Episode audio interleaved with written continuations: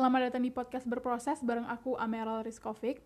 Ini adalah episode pertama dari Berproses dan spesial untuk episode pertama ini kita bakalan bahas yang lagi happening saat ini, yaitu nggak jauh-jauh dari COVID-19. Yap, sesuai judulnya kita bakalan bahas pelaksanaan work from home atau WFH di Indonesia. Sebelumnya aku cuma mau mengatakan kepada teman-teman yang lagi dengan podcast ini kalau apa yang aku sampaikan adalah opini dari aku soal pelaksanaan WFH di Indonesia jadi kalau ada teman-teman yang nantinya berbeda pandangan, bisa banget kita diskusi dan saling belajar. Nah, teman-teman semua pasti udah familiar banget lah ya sama istilah WFH. Bahkan mungkin uh, beberapa juga udah pada bosen karena udah lebih dari satu bulan lamanya mendekam di rumah, kerja di rumah, belajar di rumah, gak main, gak keluar, itu sejak tanggal 16 Maret 2020. Jadi udah lebih dari satu bulan. Nah, episode kali ini didedikasikan untuk meninjau ulang atau mengevaluasi pelaksanaan WFH di Indonesia selama masa pandemi dari perspektif masyarakat sektor informal. Aku bakalan bahas sedikit soal pekerja sektor informal. Jadi, pekerja sektor informal ini adalah pekerja yang bidang usahanya itu tidak terkena pajak, modalnya relatif kecil, juga menghasilkan atau produksi dan distribusi barangnya itu tanpa adanya izin usaha atau izin lokasi.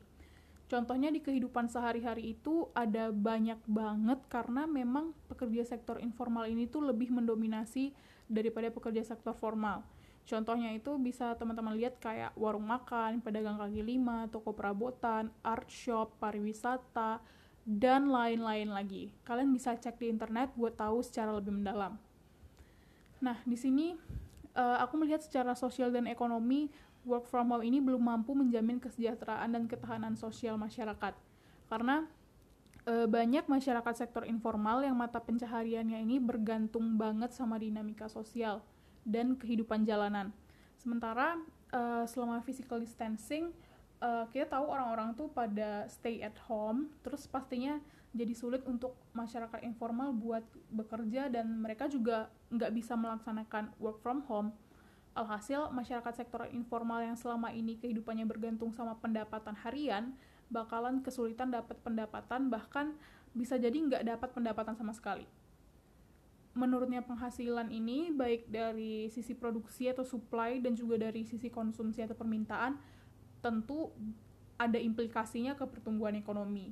Dan kalau pertumbuhan ekonomi Indonesia yang diproyeksikan oleh pemerintah Indonesia dalam skenario terburuknya itu bisa mencapai minus 0,4 persen.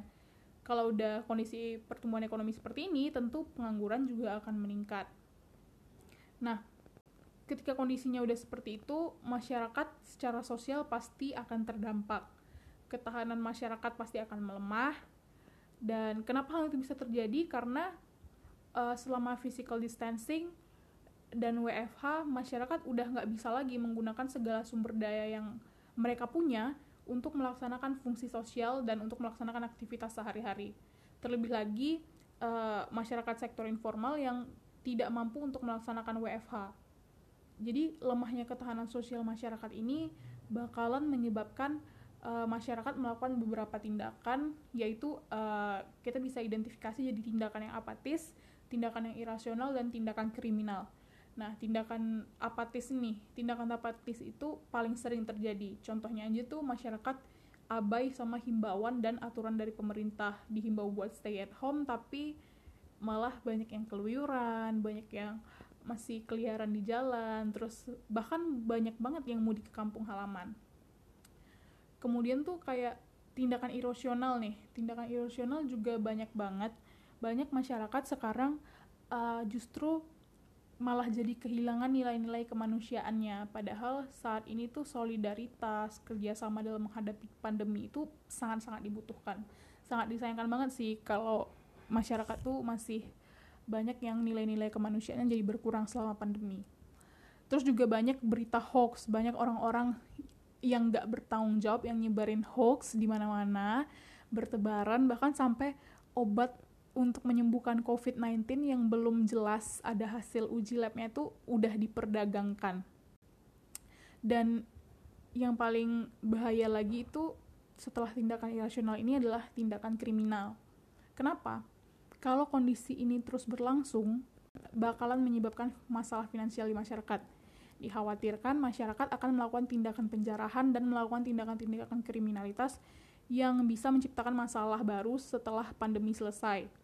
Nah, kondisi masyarakat saat ini itu adalah kondisi yang cukup kritis yang bisa menyebabkan frustasi sosial di masyarakat.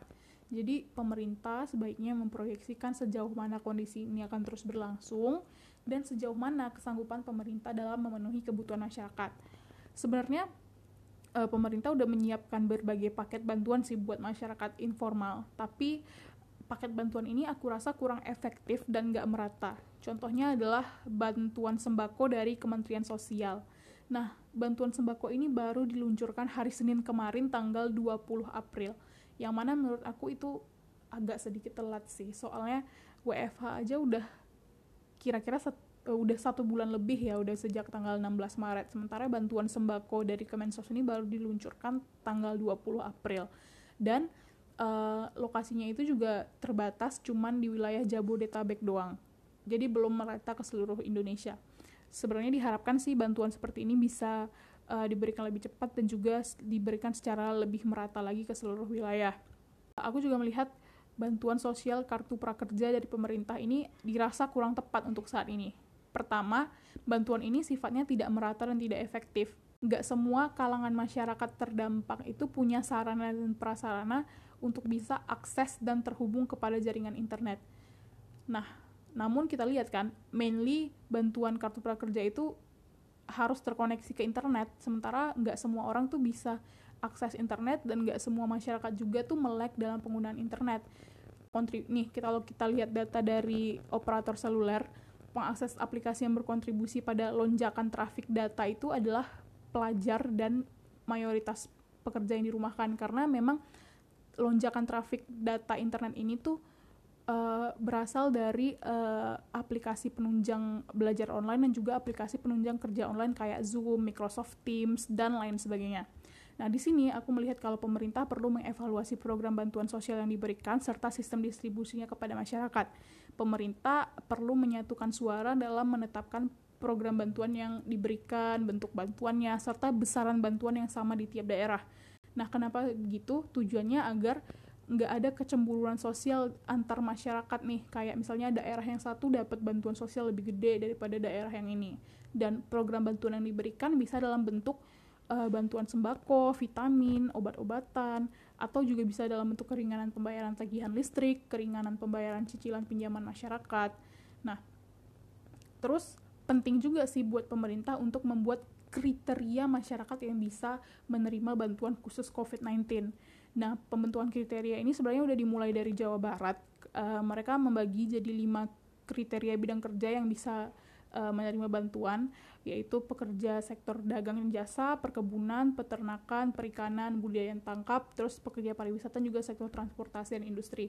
Nah, di sini sih uh, aku rasa langkah ini cukup baik untuk diadopsi oleh daerah-daerah lain dan diterapkan pula pada bantuan uh, yang asalnya dari pemerintah pusat. Tujuannya untuk memberikan bantuan secara tepat sasaran kepada masyarakat.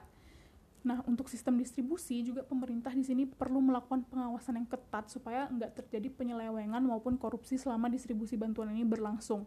Pemerintah di sini sih dapat bekerja sama dengan aktor lain kayak perguruan tinggi atau NGO atau juga perusahaan peran perguruan tinggi dan NGO itu dapat membantu pendistribusian barang kepada masyarakat. Mereka bisa jadi volunteer atau relawan, terus juga bisa untuk pendataan keluhan di masyarakat, melakukan pengawasan, terus juga bisa evaluasi dan ngasih kritik untuk uh, kebijakan yang diambil oleh pemerintah. Nah, aktor-aktor ini pula dapat menginisiasi penggalangan dana dan mendonasikan dana tersebut kepada masyarakat. Kayak itu yang teman-teman lihat banyak uh, galangan dana dan donasi dari kitabisa.com dan uh, galangan dana lainnya. Terus di sini perusahaan itu punya yang namanya company social responsibility dan atau CSR dan si CSR ini tuh dapat turut serta melaksanakan tanggung jawab sosialnya. Jadi sumber dana bantuan itu tidak hanya dari pemerintah, tapi juga dari perusahaan. Sehingga pelaksanaan WFH dan kebijakan yang diambil pemerintah ini menurut aku sih perlu dikaji ulang karena secara sosial dan ekonomi e, belum mampu menjangkau dan menjamin kesejahteraan hidup serta ketahanan sosial masyarakat sektor informal. Sekian episode kali ini. Jangan lupa Belajar hal baru setiap hari, setiap hari belajar hal baru. Sampai jumpa.